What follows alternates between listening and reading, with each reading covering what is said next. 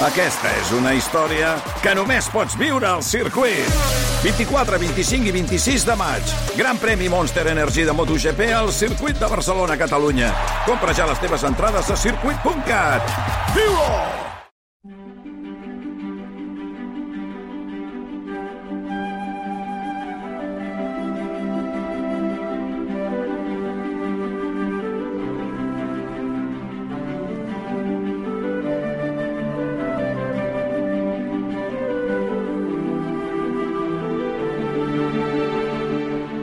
I arribats a aquesta hora del matí del diumenge, d'aquest dia eh, especial també per nosaltres, en aquesta hora especial, que és entre intempestiva i plàcida, intempestiva per, per tots aquells que eh, senzillament estan tornant cap a casa després d'una llarga nit, sigui laboral o sigui d'oci, i, i plàcida per aquells que es llevin ara a aquesta hora del matí i pensin, mira, encara tenim tot el diumenge per davant per construir el que s'hagi de construir. I aquest és el moment que a nosaltres ens agrada desplaçar-nos a un raconet especial de la geografia també radiofònica d'aquest país, que és un petit carreró empedrat dels pocs que queden a Catalunya, al final del qual hi ha un edifici sense gaires pretensions, ni artístiques ni arquitectòniques, però que amaguen al seu interior, darrere de la seva robusta eh, i gegantina porta, una quantitat ingent de meravelles. És el Basar de les Sorpreses i Albert Orlegui, Albert Orlegui sempre hi és a la porta. Què tal, Albert? Bon dia. Bon dia, Xavi. Com, està? Com estàs? Com molt bé, molt bé. Tot, sí. uh, tot a lloc, tot a puesto. Primer Basar del mes de febrer. Uh, ja hem deixat Correcte. enrere la primer, mm -hmm. o sigui, el primer tram dels tres que té el túnel de, sí. que arriba fins al març doncs mira, ja tenim un 30% fet, no hi ha cap problema, això. anem avançant, anem avançant. Tu bé? Crec que sí. Bé, bé, força bé. Una setmana també ben intensa, però, escolta, ja disposat aquí, com sempre, a desvelar els secrets d'alguna de les uh, particularitats que avui us tinc preparat. Clar tenim, sí. uh, tenim novetats de la bústia o no?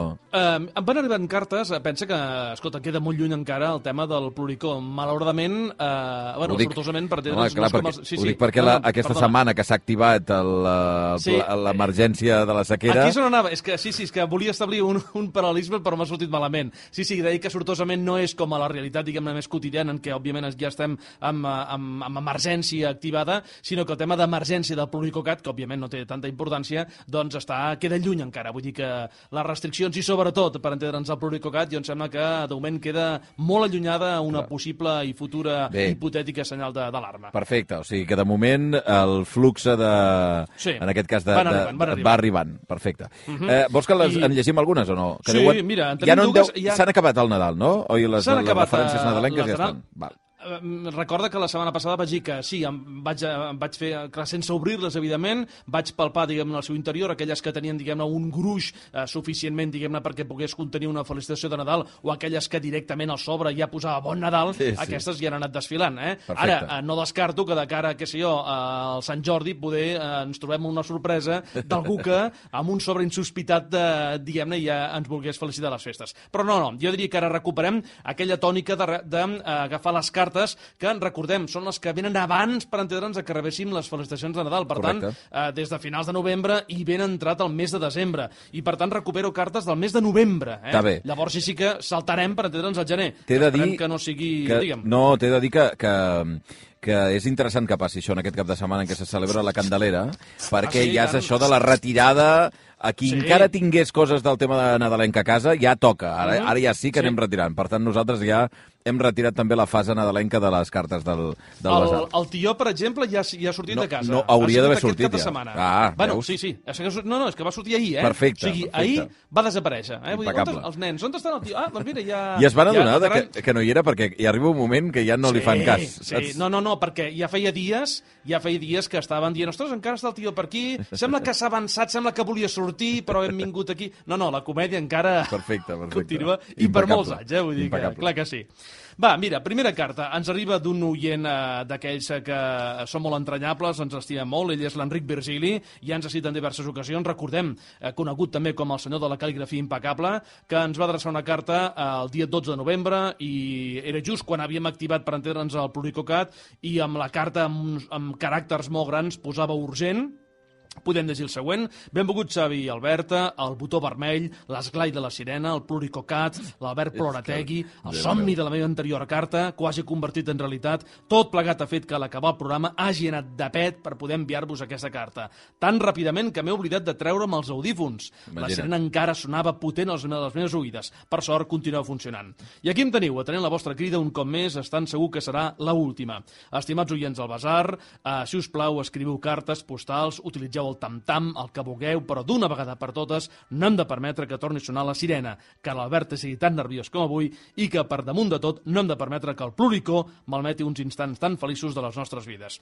Xavi i Albert, rebeu tots els meus ànims i l'efecte renovat de sempre, una abraçada, doncs, l'Enric Virgili, el senyor de la cal·ligrafia Fantàstic. impecable, que ens feia una crida No desesperada. falla, no eh? falla, no falla. El mes de novembre, que no falla, mai falla. Enric el senyor Virgili. Enric Virgili mai falla. Molt bé. Va, i la segona carta ens arriba, doncs mira, des de Vilanova del Camí, i ens la remet en Daniel León eh, Carol. Està enviada també el mes de, de novembre. De dins extraiem un full eh, manuscrit en què podem llegir el següent. Vilanova del Camí, 6 de novembre del 2023. Benvingut, Xavi Albert. Us escric en primer lloc per felicitar-vos per la fantàstica idea de fer un programa com el Basar de les Sorpreses. Mitja hora on des del primer minut amb la, amb la, amb la banderola del Beorleg Express, la paraula triada, l'origen, la història, i enllaçant-ho tot amb la cultura, l'art i el cinema. És una rauxa d'ensenyament on obriu les cartes d'aprendre, les ganes d'aprendre i l'espurna dels que tenim una edat i ens oblidem que cada dia hem de viure les coses, fornar-nos i, com deia un professor meu, humanitzar-nos. Sempre intento que els meus fills aprofitin tot el que puguin fer per practicar cultura, lectura, cinema i música, per omplir el seu got del coneixement. En Pau, un dels meus fills, eh, va fer llatí al batxillerat i em va fer molta il·lusió. Vaig pensar que ara podria compartir coneixements en qualsevol viatge amb ell, però finalment, i per raons de les assignatures que ponderen a la selectivitat, es va canviar de camí. En fi, ells han de triar el seu camí en el futur. Espero gaudir moltes temporades del programa amb vosaltres, Xavi Albert, i les vostres magnífiques mencions als clàssics i tot el camí fins a la música i al cinema. Una forta abraçada i bona feina. Doncs això, el Daniel León, des de Vilanova del Camí. Doncs moltes gràcies al Daniel, que ens arriba des d'aquest eh, municipi que ja ha tocat Igualada, és a dir, a la Noia, per tant, des d'aquí tot el carinyo també als oients que ens, eh, que ens escolteu des d'aquella zona de, del país. Eh, evidentment, gràcies a ells, en, eh, en fi, en, en, en commemoració també de tots els, els que ens seguiu escrivint eh, i que ho feu per molts anys, al Basar de les Sorpreses amb la mateixa adreça de sempre i amb el mateix compromís de sempre, que és que llegirem totes les cartes en antena i es respondrà al Beorlegui una per una. Eh, L'adreça és la mateixa, Avinguda Diagonal 477, planta número 15, codi postal 08036 de Barcelona i, i aquest compromís que dèiem, lectura en antena i resposta. Bé, no perdem ni un minut, sisplau, anem cap al uh que sí. estacionament on hi ha perfectament indicat el Beorlegui Express, no hi Ah. haurà cap sorpresa, espero. No. Bé, perfecte. Capa de cera extra, pot ser? Està molt brillant. Uh, no, no, mira, No? la setmana passada, eh? vull dir que no, no està igual. Eh? Vull dir impecable, que... impecable. Sí, sí, sí, sí. I, home, perdona, Home, a veure, què la vols? bandereta... Què vols? No, Sí. home, Què? què vol- no, perquè ja directament eh, decideixes que no em poses ni a prova, ja. O sigui, ja No, home, poses, no, clar, poses una senyera i ja està. No, perquè pensava, dic, mira, si ha de ser Catalunya, igual el que hem de fer és bandera ja municipal. Que, que... No, doncs... Que aquesta és eh, difícil. Doncs mira, no estaria malament aquesta. Veus? Eh? Dir, escolta, me l'apunto per altres edicions, eh? però clar, no podem fomentar tot un basar perquè el nen vol triar una bandereta que posi a prova els seus coneixements. Eh? No? Vull dir És veritat. Que... I a més a més, amb la bandera municipal no, no ho encertaria home, mai de la jo, vida. mira, eh? la, la de Sabadell encara, que és la Sí, nostra home. ciutat, però... Mm, bueno, i de Barcelona, evidentment, eh? I Barcelona, però ja exacte. fora d'aquí, jo em sembla que no, just tots, no, just tots, eh? no ens enteraríem res.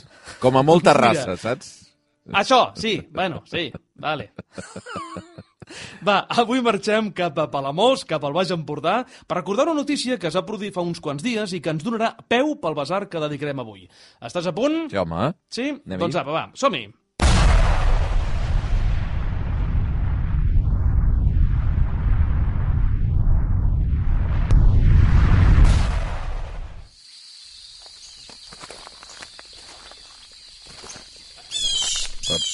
No, no em deies a Palamós?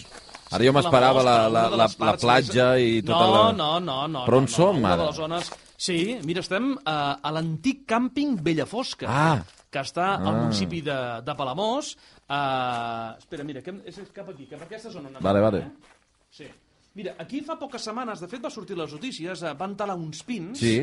Uh, no, no sé si recordes una mica com anar. A- El lloc està, clar, evidentment està molt a prop del mar, està declarat mm, sol urbà i està previst que es construeixi una urbanització. Ah, I amigo. malgrat que es complien tots els permisos per part dels promotors, l'entitat SOS Costa Brava va recórrer davant dels tribunals la decisió per tal de protegir, home, doncs aquest magnífic espai eh, ambiental. I, i eh, com va acabar la cosa? Doncs eh, mira, que un any i mig després no hi ha hagut cap resolució de la justícia i la constructora, doncs apa, ha tirat pel dret i no només s'han carregat els pins de la zona, sinó sis exemplars que s'havien de mantenir vius. L'Ajuntament va anunciar que obriria un expedient, els ecologistes van apuntar que si finalment la decisió judicial els dona raó exigiran la restauració de tot l'espai, però vaja, és evident que el mal, el mal ja s'ha fet. No, home, clar. I, de fet, eh, sent aquí a la Costa Brava, és cert que és com un dels punts, eh, gairebé et diria, emblemàtics on eh, s'estan Sí. produint eh, habitualment conflictes d'aquest tipus, no? situacions d'aquest estil. Mhm. Sí, i fa uns quants anys, o unes quantes dècades, diguem-ne, això s'entenia, perquè el context eh, històric, cultural, econòmic, evidentment, era un altre, però ara que hi ha una major consciència de preservació mm. ambiental i tot això, poder la perspectiva també, evidentment, ha canviat, no? Bé, el cas és que aquesta notícia, on diguem-ne que s'hi barreja la impaciència empresarial, la indiferència de la política municipal, la ineficàcia de la justícia, per molt que no es pugui criticar, i la consciència mediambiental, ens inspira per dedicar un nou basar de les sorpreses, al 337, que dedicarem a aquest arbre tan present a casa nostra. Avui, doncs, la lletra P. La P de Pi.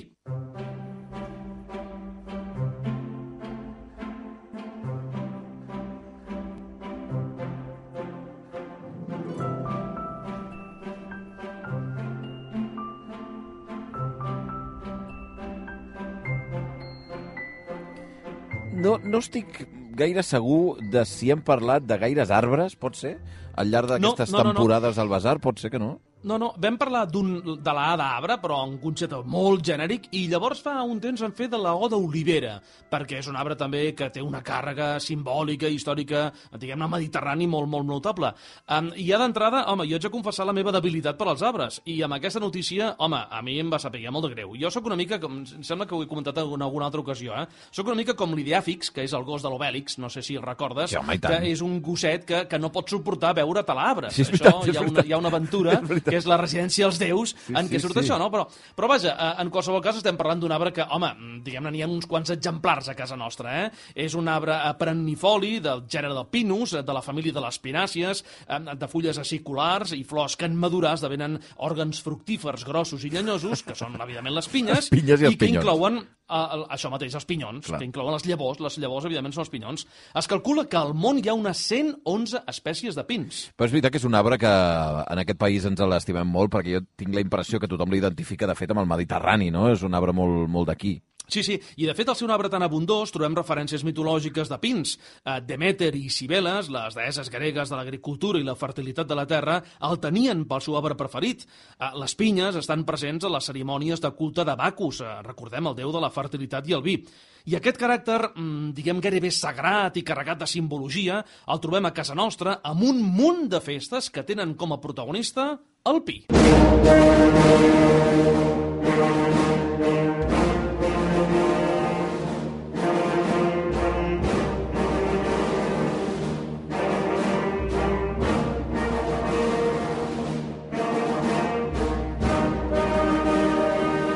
Clar, és que n'hi deu haver-hi moltes, no?, de, de celebracions a Catalunya que tenen el pi com a gairebé eix central, no?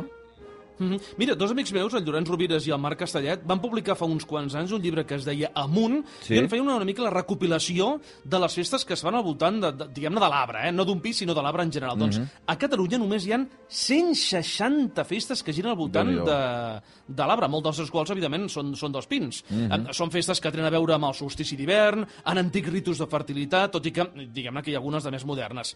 Algunes de les més destacades són eh, la Fia Falla de Bagà, eh, la de Sant Julià de Cerdanyola, les de Pollença, Figueroa-Montbany, Folguerola, Centelles, les Falles de la Ribagorça, o la que pretén, mira, aquesta peça musical que estem escoltant de fons, que és La baixada del Pi, de Sergi Cuenca, que interpreten els grallers i la banda de Mata de Pere, i que es toca a les festes de Sant Sebastià, Ah, que hem tingut fa pocs Això dies és el que t'anava a dir. Matadepera, Eh, fa no gaire, s'ha no? baixat un pi, sí, sí, eh, lloc on treballo, s'ha baixat un pi per als carrers del poble, s'ha plantat al centre, que és la plaça de Cavaldiró, i el cap de setmana següent doncs, es fa un concurs de grimpaires on qui arriba més ràpid al capdamunt guanya un pernil. Eh? Uh, aquest any s'ha aconseguit amb 19 segons, que és un Carai. prodigi que jo, de veritat, que jo me'n faig creus de com es pot anar tan He ràpid. de dir que, eh, ostres, a mi em provoca una tendresa enorme aquest tipus de coses, no? Sí, Perquè és com sí, eh, sí, sí, sí. festes ancestrals amb un seguit d'indicacions que s'han de mantenir... Bueno, és la, és la gràcia no? de la tradició, d'alguna manera, intentar reproduir exactament o de forma molt similar allò que portes eh, temps i anys eh, fent ja, no? I que d'alguna manera... Això m'ho deia, mira, el Jordi Graupera fa no gaire, quan vam fer una conversa sobre, sobre la religió i els rituals, no? I deia, el, el més important del ritual, en realitat, és que eh, el fer-se i repetir-se sempre en el mateix lloc et permet, sobretot, detectar els canvis. Clar. I això és una preciositat, no? O sigui, tu ve de celebrar el Nadal sempre amb la mateixa gent al mateix lloc, fent exactament el mateix, el que veus és com la gent envelleix, es fa gran, els nens deixen de ser nens, els que eren pares de cop són avis, no? Aquesta evolució és el més interessant de la festa i de la repetició, no? I en això, i que més- celebracions d'aquest tipus exactament el mateix, no? Això mateix, i que més aquí s'hi barreja l'element eh, sacre i l'element profà. Eh, aquí, per exemple, el diumenge hi ha la, la processó, es fa una processó amb, un, amb el sant, que és el Sant Sebastià, que és un dels copatrons de Matapera, i després, just després de la processó, hi ha la cercavila. És a dir, per tant, s'uneix el que és sagrat i el que és profà d'una manera que, que, que és co- com màgica tot plegat, no? I, de fet, eh, sí, en aquestes festes aquí a Matapera, però també a molts altres llocs, l'arbre és el gran protagonista, però hi ha altres pins arreu del món que són també molt importants. Però,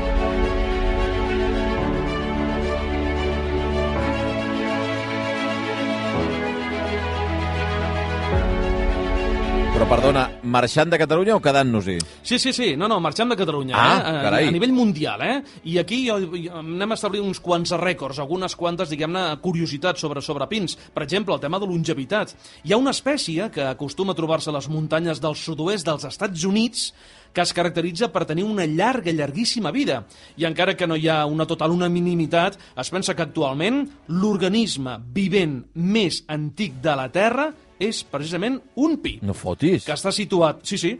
O sigui, més que... Eh, parlo d'organisme vivent, eh? Sí, no sí, parlo sí. de, tortuga, de tortugues, eh? Que és la imatge que segurament No, no, ens fem no, en temes no. de longevitat, Bueno, eh? no, però jo sempre hagués pensat, vivent potser antic- per aquesta Sí. cosa mediterrània també, que l'olivera és un dels Sí. grans símbols d'arbres que, oi, passen Sí. segles i, i des de l'època dels Correcte. grecs, no? I no, no, és un pi, dius, eh? És un pi de nom Matusalem, que es Home. troba situat a l'est de l'estat de Nevada. Sí, el nom, evidentment, Impecable. molt, molt apropiat, eh? Sí, sí. Es troba a l'est- a l'estat de Nevada i, eh, i podria tenir, es calcula que podria tenir 4.850 anys d'antiguitat. Què dius? Sí. A veure, perquè ens fem 4.800 una- anys, eh? perquè ens fem una idea, eh? i buscant un paral·lelisme, eh? quan es va construir la, o quan, diguem, quan es va començar a construir la piràmide de Keops, que és allò, va, el més, anem a, a, al més remot de, de la humanitat, el pi ja portava vivint 300 anys. Tres segles, eh? Ja s'ho mirava Sí. com dient, bueno... Bueno! Eh? Aquella Déu-n'hi-do. frase de l'home té por del temps i el temps té por de les piràmides, doncs les piràmides tenen por precisament de Matusalem, eh? que és aquest arbre que està a Nevada.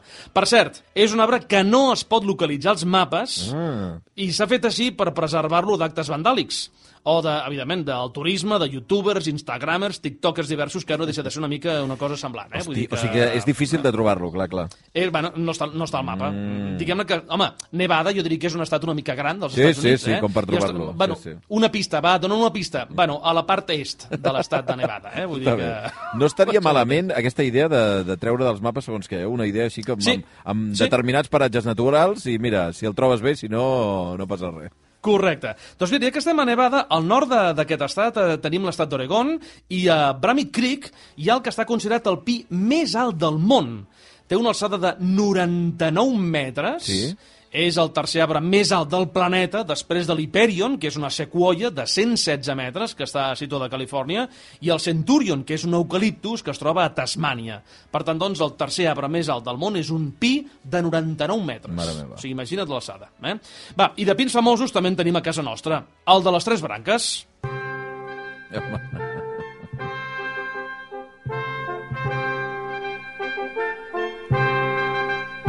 Ai, si ens està escoltant el senyor Marcelí Virgili, que deu, Ai. deu plorar d'emoció i de felicitat. Mira, mira. El pi de les tres branques... Mira, Oita, oita. del sol al rostre té els cabells del blat de juny. Deu... Mal pit ara mateix, eh, Marcelí Virgili, eh? Bé, el pi pi de les de tres les- branques, què? Sí, eh, és un pirroig situat a Castellà del Riu, al Berguedà, està considerat un símbol de la unitat dels països catalans, perquè recordem que són tres branques que simbolitzen, doncs això, Catalunya, País Valencià i les Illes Balears, i perquè de la base, evidentment, del seu tronc, doncs surten aquestes tres branques.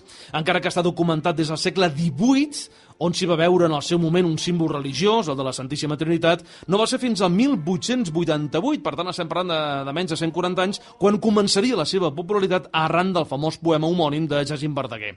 L'arbre va morir, home, doncs fa ja més de 100 anys, el 1913, i des de llavors ha patit diversos actes vandàlics, incloent la tala de la branca més alta fa pocs anys.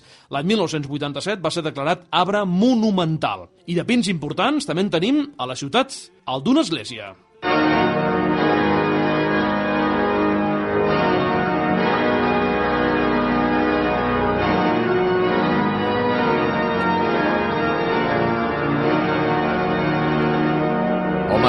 Església i Pi, eh, això és Doncs la, sí. eh, efectivament és la ciutat de Barcelona i, en Sí. fi, el, el, és, és una església meravellosa, he de dir, per cert. A mi m'encanta, Oi sí. que sí? Sí, llàstima que està un pèl deteriorada, però com, Sí. a, com a monumentalitat i per la història que arrossega, clar, recordem, està a barri gòtic, eh, està documentada des de fa més de mil anys. La Basílica del Pi, eh? No ho hem dit, 1987. però és obvi, sí, sí. és, és obvi que... La, evidentment, eh? la plaça del Pi, allà on està el carrer Patritxol, vull dir que, escolta, ben, ben bé allà el, el, el rovell de l'ou de, de la Barcelona antiga. Eh? Eh, Diem de fa mil anys, però de fet la tradició apunta que abans hi ha vingut allà en el mateix lloc una capella. Mhm. Es diu que el seu nom ve de la troballa d'una Mare de Déu en el tronc d'un pi que va ser plantat davant de la porta principal. Això de les verges trobades també és una tradició, diguem-ne, que té molts segles, no? Tot i que també sembla que la versió, diguem més rigorosa és perquè antigament estava situada en un lloc anomenat Pla del Pi, perquè suposem que devien haver-hi, eh, diguem aquests arbres. I ja que parlem de noms, doncs no oblidem una cançó amb un pi, evidentment, que és doncs, la del gegant. El gegant del pi ara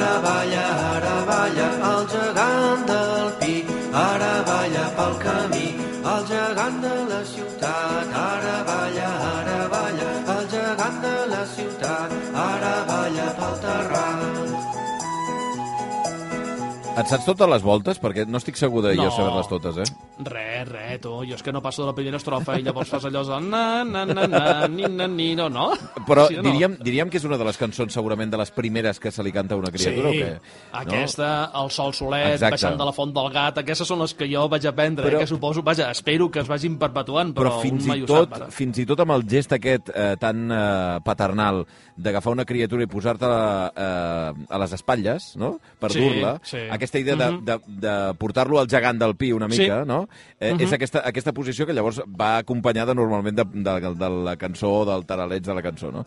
O sigui, tinc, la, tinc la impressió que efectivament deu ser de les primeres eh, eh, melodies que deu sentir una criatura en aquest país quan, eh, quan es va fent gran. Això mateix, i és una cançó que d'acord que és molt popular i tradicional, però també té tota la seva història. Clar. La, la cançó del el gegant del Pi fa referència a aquesta església, la de la, de la Basílica del Pi, va néixer l'any de Corpus de l'any 1798, per tant estem parlant de fa més de 200 anys. Hi ha diverses explicacions per explicar la lletra, i una d'elles fa referència, eh, per una banda, a una reforma de la Rambla, que recordem, la Rambla està, diguem-ne, a quatre passes de l'església, en què el passeig central va quedar elevat i va ser anomenat popularment com el Terrat. Clar. El passeig era flanquejat per dos passos inferiors per on circulaven els carruatges i que s'anomenaven el camí. Així doncs, els gegants de la ciutat ballen pel terrat, és a dir, ballen per al centre de, de la calçada, i els del pi ballen pel camí, és a dir, per als laterals, no? I a més, la lletra de la cançó fa referència a un altre fet. A l'any 1798, el capità general de Catalunya i duc de Lancaster va aixecar les prohibicions dictades per Carles III a l'any 1780, per les quals els gegants no podien participar en les processons. Uh, bé, doncs una lectura acurada de la lletra de la cançó ens descobreix aquest fet, no? Ara ballen, ara ballen, Clar. indica, evidentment, que abans no podien ballar. Exacte, Eh? que Ara bo, ballen. que. Eh? Va, i ja que estem en música, doncs la peça més coneguda d'un compositor italià, Ottorino Respighi, Pins de Roma.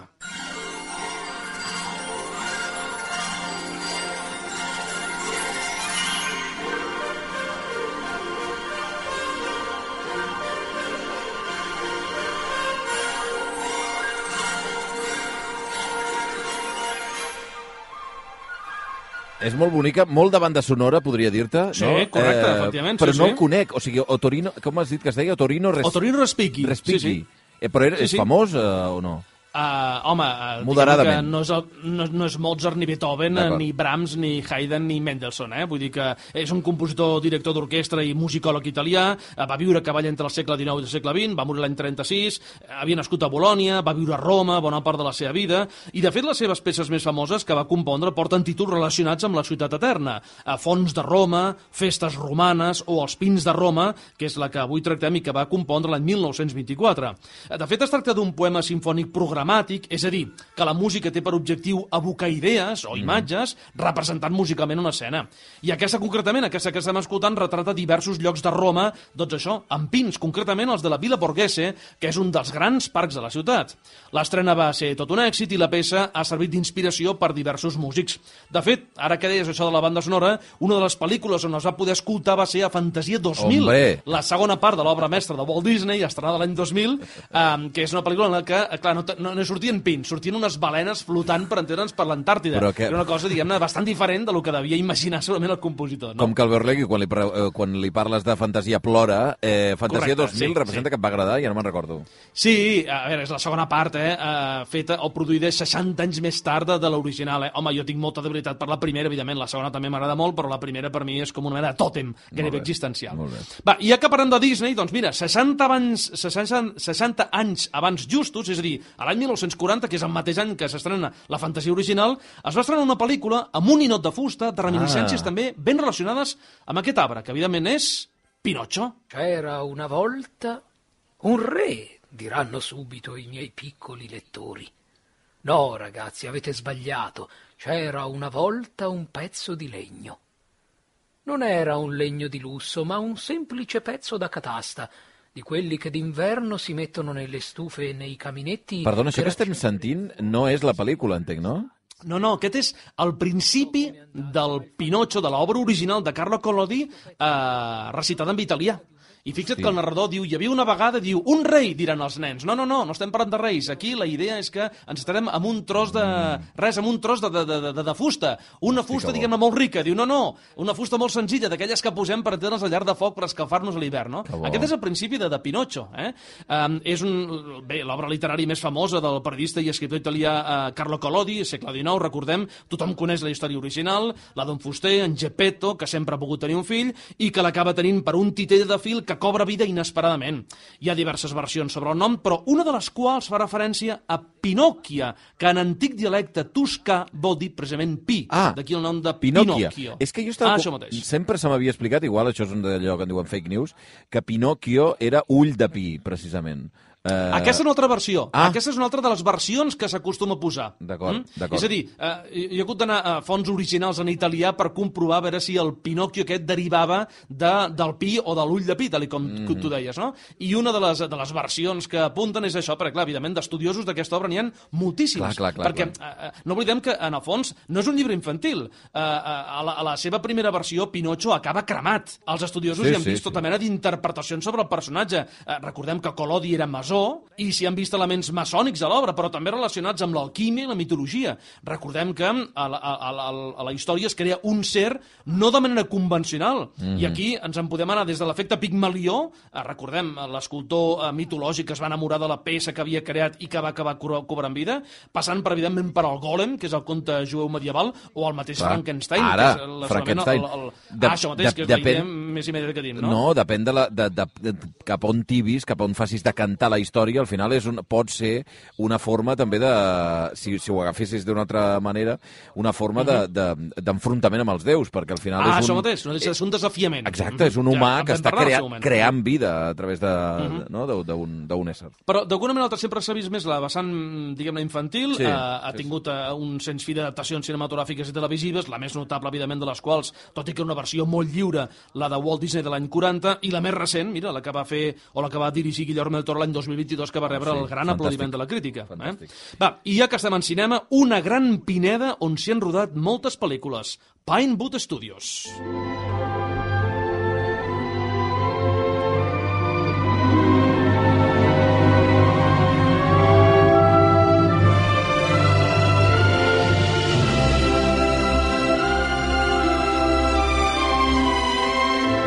Mare de Déu, senyor, tu. Quina música, Què? quina meravella, eh? Oi, oi, oi, oi. Grandioses pel·lícules de Pinewood eh, Studios. Sí, Eh? uh, no, no ens quedem mai amb els, amb els aspectes, diguem-ne, més o menys secundaris de la producció d'una pel·lícula. Sempre Sí. ens quedem amb l'actor, l'actriu, o, o on s'ha rodat, o, o els decorats que tenia. Rarament ens en pensem del director, de la música, i, i home, hi ha un, un element molt bàsic, que és, evidentment, els estudis on s'han rodat aquestes pel·lícules. Eh, Tots ens anem sempre a Hollywood, però, ostres, a Europa tenim estudis magnífics. Si aneu a Roma, no deixeu de visitar mai els estudis, els estudis de la Cinecittà, que són una veritable meravella. I a Anglaterra, evidentment, hi ha els Pinewood Studios, que són uns importants estudis de cinema i televisió, eh, situats en una gran extensió de terreny on hi havia hagut pins, que és Buckinghamshire, a l'est de Londres, i que, home, són construïts l'any 1934. Es van fusionar fa un parell de dècades amb uns altres estudis anglesos també ben coneguts, que era el Shepperton, i avui és un dia un complex comercial i empresarial bestial amb 41 escenaris que, evidentment, són famosos essencialment perquè s'han rodat moltíssimes pel·lícules, la darrera trilogia de Star Wars, el Superman de Richard Donner, però sobretot perquè allí és on s'hi han rodat totes les pel·lis dels James Bonds, que és una idea Oi, que oi, els oi, que oi. som fans d'aquest personatge doncs hi tenim certa debilitat, clar que sí. Doncs eh, avui, eh, tancant aquesta, aquest viatge a través dels pins, que és aquesta imatge i aquest símbol tan català i tan mediterrani, però que entronca amb tantes altres zones del món, tancarem amb aquest estudi que era Pinewood Studios i que potser us hi podeu fixar quan aneu al cinema i veieu aquells inicis, eh, amb, no? Aquell, aquelles imatges de quin estudi és, doncs mira, eh, us en recordareu també d'aquest viatge que hem fet amb l'Albert Beorlegui a través dels pins. Beorlegui, un autèntic plaer, moltíssimes gràcies, com sempre. Igualment, Mundó, que vagi molt bé. Una abraçada.